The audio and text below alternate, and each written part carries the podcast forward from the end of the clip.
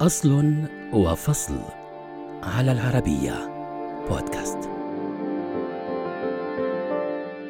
عبر التاريخ شكل تتبع الوقت وربطه بممارسات الحياة المختلفة هاجساً لدى الأمم، فتم ربطه بحركة الأجرام السماوية، إلى أن تم التوصل لتقويم عصري يمكن توحيده واستخدامه حول العالم، فكيف حدث ذلك؟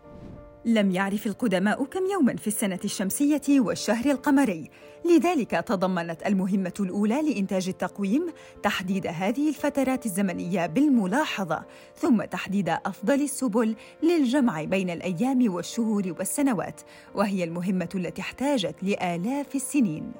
حتى ظهور النموذج الأقرب للتقويم الحديث والمستخدم اليوم، كان هناك الكثير من المحاولات المعقدة لقياس الوقت، فتميزت كل حضارة بطريقة تتناسب مع احتياجاتها فاستخدم السومريون قبل الميلاد بثلاثة آلاف ومائة عام تقويماً يحتوي على 12 شهراً تنقسم إلى 29 أو 30 يوماً ثم أنشأ المصريون تقويماً مماثلاً وفقاً لحركة القمر ونجم سيريوس لكن كان لديهم خمسة أيام إضافية في عامهم.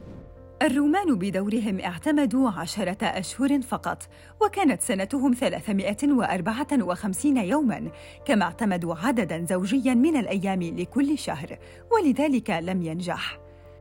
أما تقويم البابليين فاحتوى على شهر ثالث عشر كل سنتين أو ثلاث سنوات الإغريق بدورهم تفننوا بإعداد التقويمات القمرية فكان لديهم في فترة 400 قبل الميلاد التقويم الأثيني الأكثر شيوعاً والتقويمات الأولمبية والموسمية والكونية والميتونية. في القرن الخامس قبل الميلاد ظهر التقويم القمري الصيني الذي يدور حول الأبراج وعلم الفلك فيما اعتمد بأمريكا الوسطى تقويم المايا الذي يستند إلى أن الوقت دوري ويكرر نفسه ما يجعل اياما أو اشهرا معينة مناسبة لأمر ما دون غيره وكان ينتهي هذا التقويم مع ديسمبر عام 2012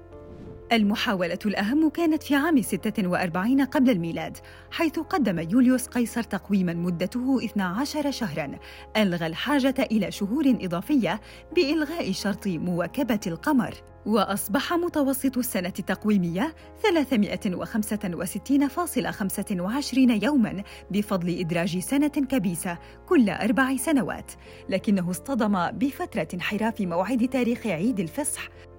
فقام كريستوفر كلافيوس بتعديل طفيف على التقويم اليولياني بتعليمات من البابا غريغوري الثالث عشر وهو حذف ثلاث سنوات كبيسة كل أربعمائة سنة وهذا هو التقويم المستخدم اليوم. بعض التقاويم اعتمدت على المناسبات الدينية فهناك التقويم الإسلامي الذي يبدأ مع عام هجرة المسلمين من مكة إلى المدينة وهناك أيضا تقويم ميتون الذي يعتمد بشكل أساسي على الاحتفال بالأعياد اليهودية.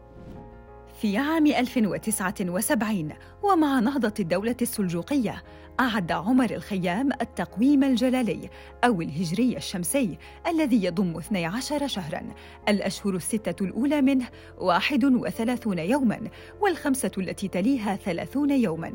أما الشهر الأخير فيكون 29 يوماً في السنة البسيطة و30 يوماً في السنة الكبيسة. واعتبر هذا التقويم أكثر دقة من